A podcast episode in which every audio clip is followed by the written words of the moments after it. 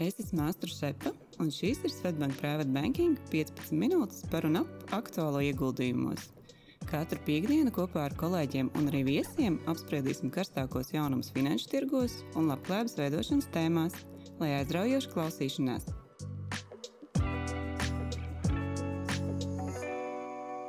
Sveiciens Svetbank Private Banking klientiem! Šoreiz, kā katru mēnesi, uz podkāstu esmu aicinājis viesi. Man ir liels prieks, ka mūsu podkāstam šoreiz ir pievienojies Lauris Lietuvietis. Čau, Lauri! Sveiki! Čau! Lauram ir liela pieredze darbojoties tehnoloģijas uzņēmumos, kur viņš ir veidojis un vadījis globālu līmeņu pārdošanas komandas, kā arī privāti. Lauris ir aktīvs investors dažādu veidu finanšu tirgus instrumentos, par ko arī padalīsies šodien. Bet Laura sākumā jāpastāst par to savu profesionālo pieredzi, kas, manuprāt, ir ārkārtīgi interesanta. Jā, paldies. Pirmkārt, paldies par uzaicinājumu.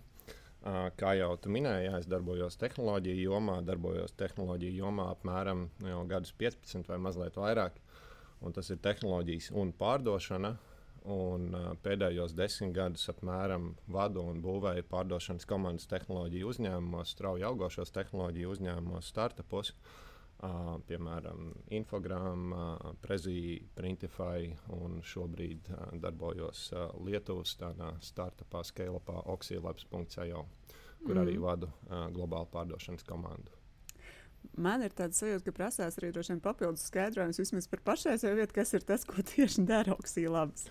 Jā, nu šīs tehnoloģijas bijušas dažādas, pārsvarā tie ir dažādi programmatūras risinājumi, infogramma datu vizualizācija. Uh, Uh, Printify, Print on Demand platforma, zināma Oxylabs uh, nodrošina rīkus un infrastruktūru uh, publisku datu iegūšanai lielā apjomā. Nu, piemēram, cenu monitorings, dažādu produktu pieejamība dažādās platformās, konkrētos tirgos un geogrāfijās ir viens no veidiem, kā šī te tehnoloģija tiek uh, pielietota. Mm.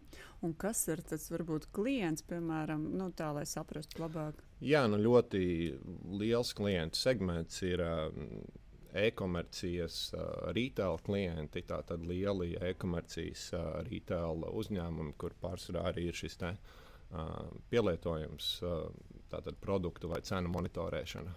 Mm.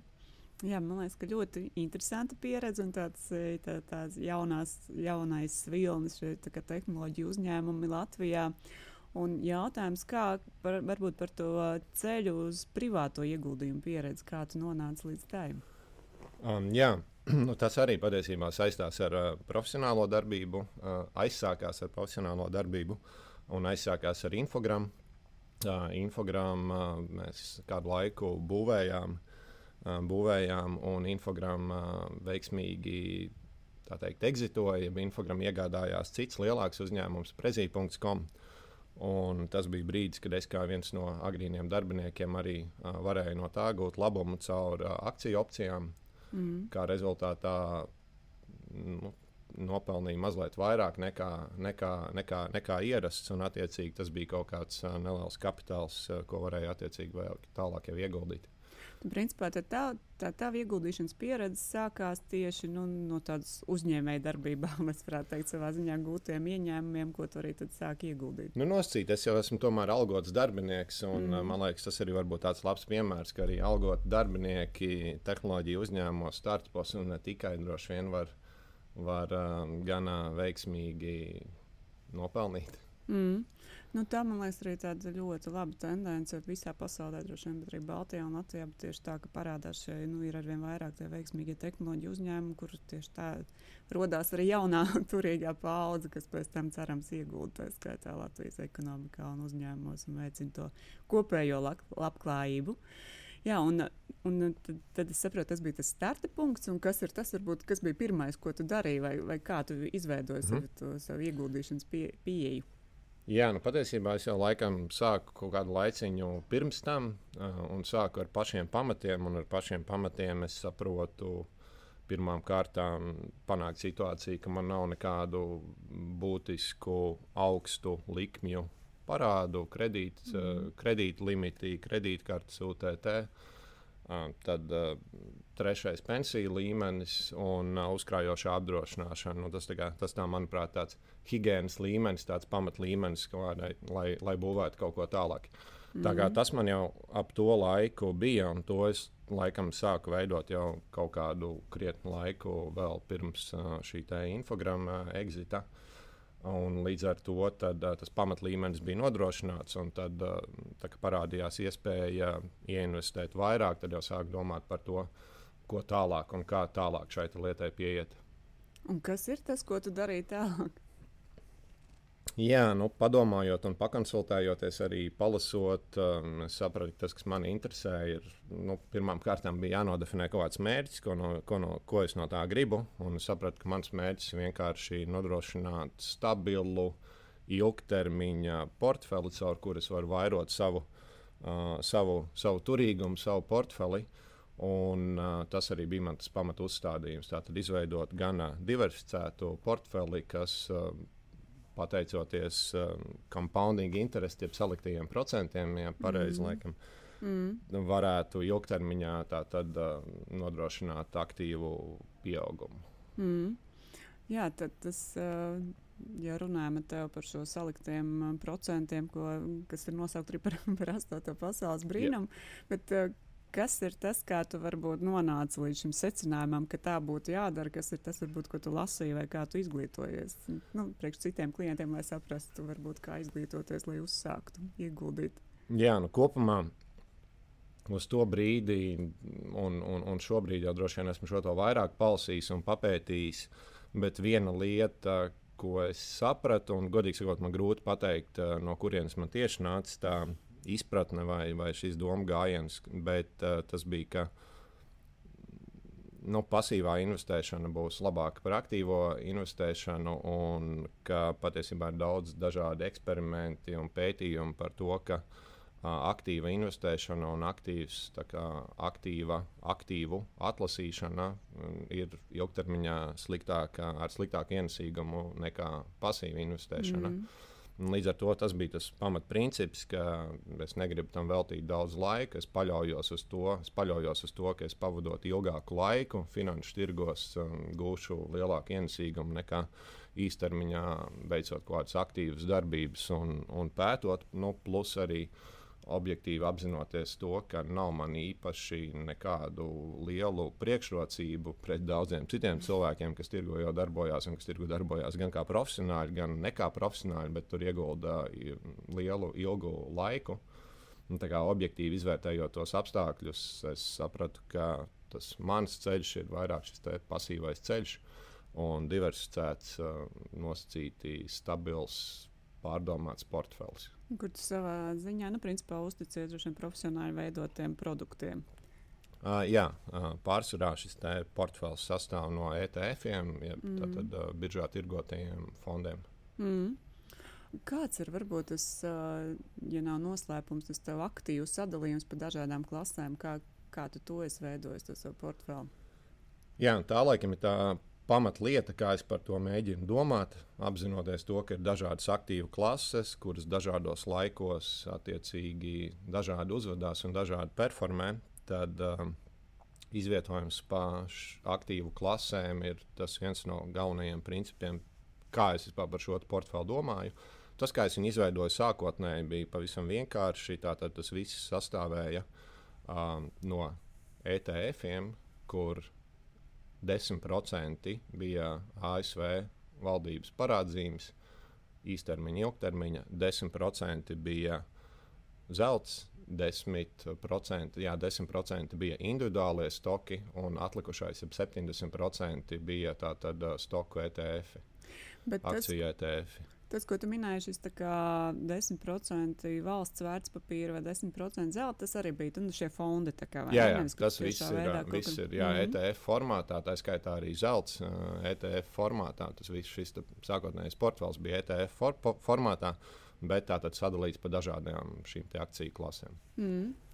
Un kas, nu jā, tā pieeja izklausās ļoti prātīga un izglītota. Jautājums ir, kā tu, ko tu izmanto, kādus instrumentus vai pieejas vai paņēmienus, lai arī noturētu šo kā, proporciju vai pieturētos pie šīs tavas izveidotās ieguldījuma stratēģijas? Jā, nu tas arī nāca kaut kur gan mazliet izglītojoties un runājot un uh, domājot par to, kā es to ilgtermiņā redzu. Tā ir tā galvenā doma, ka man ir kaut kāds izvietojums, es šo izvietojumu plus mīnus gribu saglabāt, un tad attiecīgi ar kaut kādu periodiskumu es veicu kādu rebalansēšanu, respektīvi. Kaut kādus aktīvus pārdod un kaut ko citu piepērk klāt, lai saglabātu to pašu procentuālo sadalījumu. Uh, Un uh, jāatzīst, ka ar šo rebalansēšanu es uh, neesmu ļoti aktīvi nodarbojies, mm -hmm. gan arī naudas portfels ļoti dinamiski patiesībā mainījies. Uh, šis sadalījums ir audzis diezgan proporcionāli. Ir kaut kādas korekcijas bijušas, bet relatīvi nelielas. Uh, Bet tā tad, jā, galvenā doma bija tāda, ka es izvietoju šo portfeli pa dažādām aktīvu klasēm un ar kaut kādu periodiskumu veicu rebalansēšanu, lai šo izvietojumu saglabātu. Klau, bet nu, tā varbūt cilvēkam parastam, lai saprastu, cik tu biji. Kad tu saproti, ka tev jāveic rebalansēšana, tev ir kaut kāds atgādinājums, vai Excelī, vai kalendārā, vai nu, kā tu sevi disciplinē? Nu, tā sākotnējā doma bija, principā, reizi ceturksnī nav gluži tā, ka man ir kalendārā, kalendārā atgādinājums, un tad es to daru vairāk vai mazāk. Nu, ko gan droši vien vajadzētu sakārtot. Nu, tiešām vajadzētu noteikt kaut kādu datumu, kad es to izdaru. Un, uh, varbūt tas, tas, tas, tas, ir, tas ir kaut kas tāds, ko man vajadzētu labot šajā pieejā. Bet uh, vairāk vai mazāk nu, es nu, noteikti nu, kā lai saka, ieplānoju, kad un ko es izvērtēju. Kad, kad, kad es izvērtēju to, kāds man šis portfels izstāsta konkrēto brīdi, un vai es veicu kaut kādas korekcijas. Bet, uh, jā, ideālā gadījumā droši vien tam vajadzētu būt uh, konkrētam datumam, vai reizes ceturksnī, vai reizes pusgadā, vai reizes gadā, kā nu, katrs to ir ieplānojis. Bet tu tā ļoti racionāli, tev ir tie procenti, kurai aktīvi klasē tu esi. Uh, izlēmis veltīt, un tad tu tā arī tajā, nu, kad tu tā esi kā tu sauc to rebalansēšanu, tad, eh, tad tu tā arī, teiksim, piepērc vai pārdod to, kas ir pa daudz. Ja? Jā, jā, mm -hmm. jā. Tieši okay. tā. Nu, jā, ļoti disciplinēti izklausās. Nu, ne, ne, ne līdz galam disciplinēti, bet uh, lielos tādos vilcienos, jā, es pie tā pieturos. Mm. Jā, un varbūt, ja, ja par šiem fondiem tu minēji, ka ir arī nu, šie vērtspapīri un zelts, ja runā par šiem pārējiem, ko teica 70% mhm. fondi, mm. tur ir arī kaut kāda, teiksim, geogrāfiskās preferences vai tas, kas, kur tu vairāk ieguldi, vai kā tu tos izvērtē, kur tu ieguldi? Jā, nu, tas viens princips, pēc, pēc kā es vados, ir šis izvietojums un diversifikācija pa dažādām klasēm. Otrs mm. ir, um, kā es arī iekš šīs konkrētās klases, jā, mēģinu aktīvus diversificēt. Nu, piemēram, runājot par tiem pašiem ETF-iem, tā ir geogrāfija, tie ir dažādi lieluma uzņēmumi. Nu, Tātad tas ir piemēram ASV, Eiropa, Ķīna.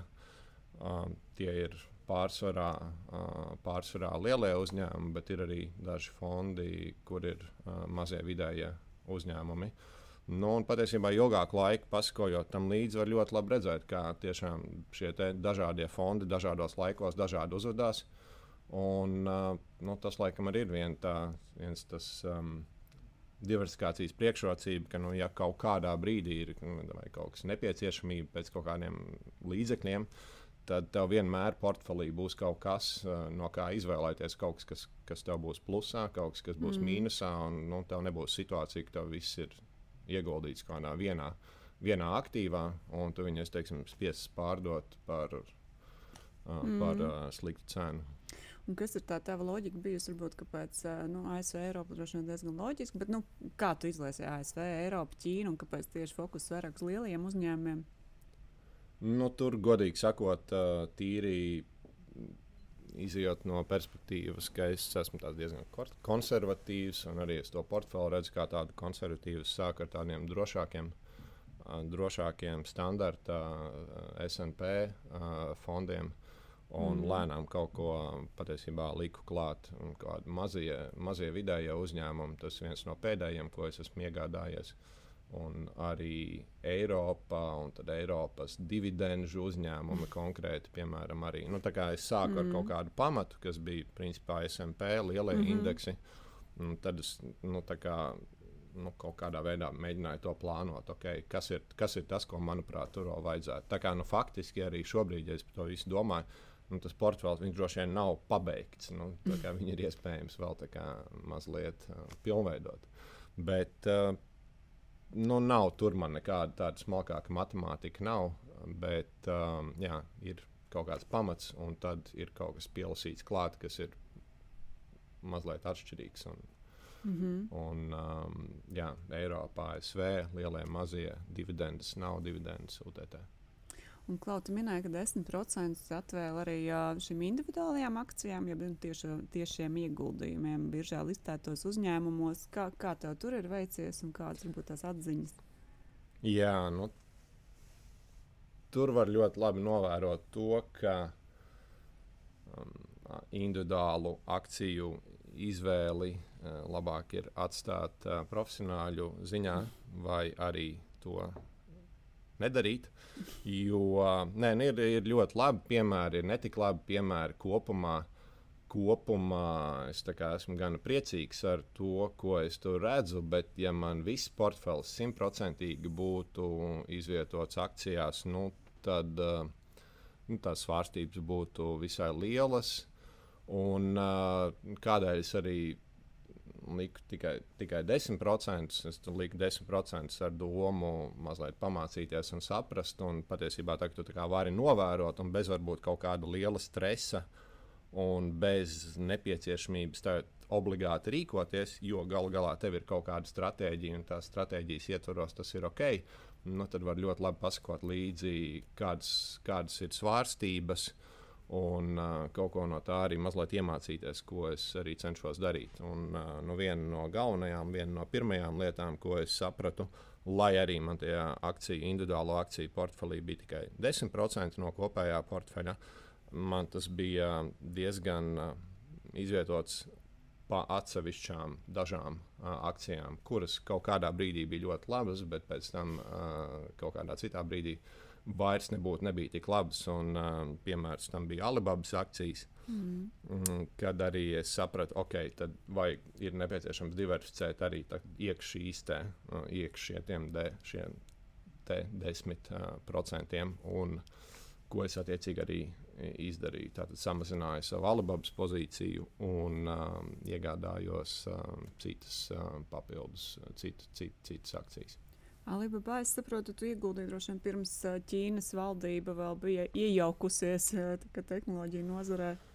Jā, un tur bija tādi amerikāņu kalniņi. Vienu brīdi mm. tas bija labāk, vislabāk, mm, vislabāk um, tātad akcija ar vislabāko rezultātu portfelī.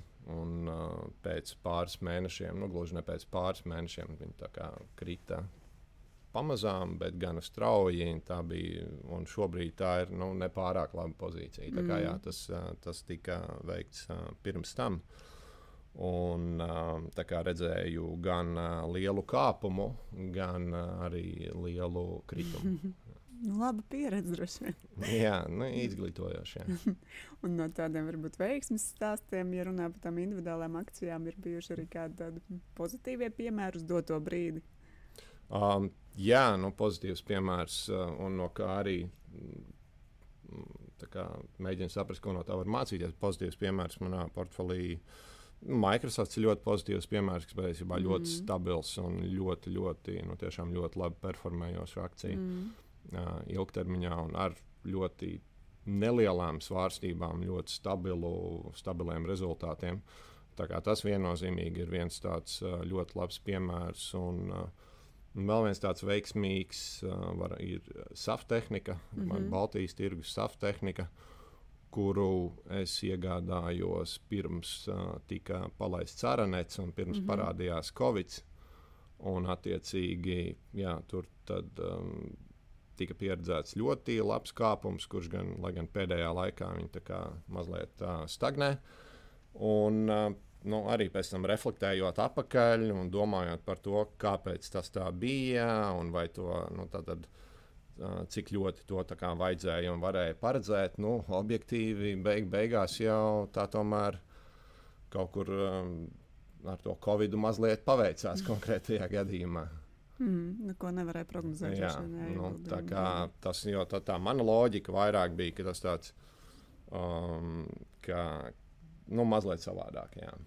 Kā viņi vairāk pievēršās tieši šim IoT segmentam, kurš tajā Kas brīdī ir IoT?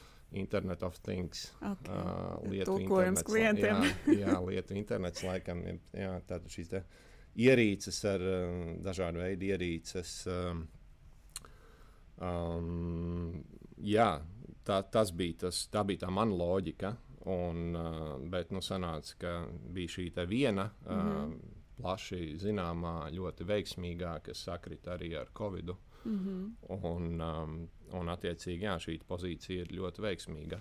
Lai gan tā ir sekojot tālāk, uh, ko šajā segmentā SAF tehnikā dara, varbūt šobrīd tik daudz, atkal nekādu citu jaunu, jaunas inovācijas nav tik redzamas. Mm -hmm. Cik daudz vispār, ā, ja runā teiksim, par tām individuālām akcijām, to arī Baltijas biržā vai Baltijas biržā ko- kotētiem uzņēmumiem darbojas? Jā, daļa, daļa no individuālām akcijām man ir no Baltijas biržas, jā, no šī jau tā š, ā, minētā SAF tehnika. Um, šobrīd es pat teiktu, ka kaut kādi procenti varētu būt uh, 30 no kopējā, mm. no kopējā akciju portfeļa. Uh, SAF tehnika ir viena no veiksmīgākajām, ir arī vairākas uh, citas. Kāpēc? Nu, droši vien patiesībā tā racionāli, ja man tā ir jāpasaka, tā mazliet varbūt pat grūti paskaidrot, ja tā likviditāte ir zema, darījumi ir diezgan maz, un tā izvēle arī nav tik liela, bet varbūt tāpēc, ka tie uzņēmumi kā saprotamāki, tuvāki, tad varbūt mazliet interesantāk sekot līdzi un mēģināt, mēģināt pēc tam tad, kā, vairāk pareflektēt par to, kas tad, kas tad bija tie notikumi, kas ā, kaut kādā veidā šīs akcijas ietekmē. Lai gan nu, tās kustības tur tiešām ļoti mm. relatīvi nelielas. Un, Klau, varbūt viens no tādiem noslēdzošiem jautājumiem. Es zinu arī, ā, ka tu vismaz pēdējā laikā es arī vairāk šajā alternatīva, augstāka riska aktīvu klasē iegājis vai interesējies par to, varbūt pastāstīt par savu loģiku šajā jomā. Jā, es uh, darbojos um, jaunu uzņēmumu investīciju sindi- sindikātā Bad Ideas Fund, kur um, es esmu arī viens no, viens no investīciju komitejas uh, biedriem, kur mēs izvērtējam šos te, uh, jaunu uzņēmumus, ko mēs piedāvājam mūsu biedriem. Bet, attiecīgi, arī pats investēju uh, mazliet šajā mm. uh, aktīvu klasē, un ne tikai uh, arī, um, arī aizdevumos uzņēmumiem caur um, peer-to-peer platformām Mm. Latvijā, ko es uzskatu, tad es viņus lieku nu, tādā nosacītā, vienā groziņā, nosacītī augstā riska, augstā ienesīguma groziņā, Mm -hmm. kam es atvēlu relatīvi mazu daļu mm. -hmm. no sava portfeļa. Uh, šobrīd tie ir līdz kaut kādiem nu, 15, kas varbūt ir mazliet padaudz. Patiesībā mm -hmm. procentiem droši vien labāk būtu to turēt līdz kaut kādiem, nu, lai gan 10, bet nu, tas arī 10, 15, 12 grūti pateikt. Bet nu, galvenokārt man liekas tas, ka. Um, lai to kaut kādā veidā tos riskus kontrolētu, un tā ir kaut kādā veidā limitēta, limitēta ekspozīcija uz šo klasi. un Tad, uh, jā, tad šādi, arī šāda, šādi aktīvi ir manā portfelī. Mm -hmm.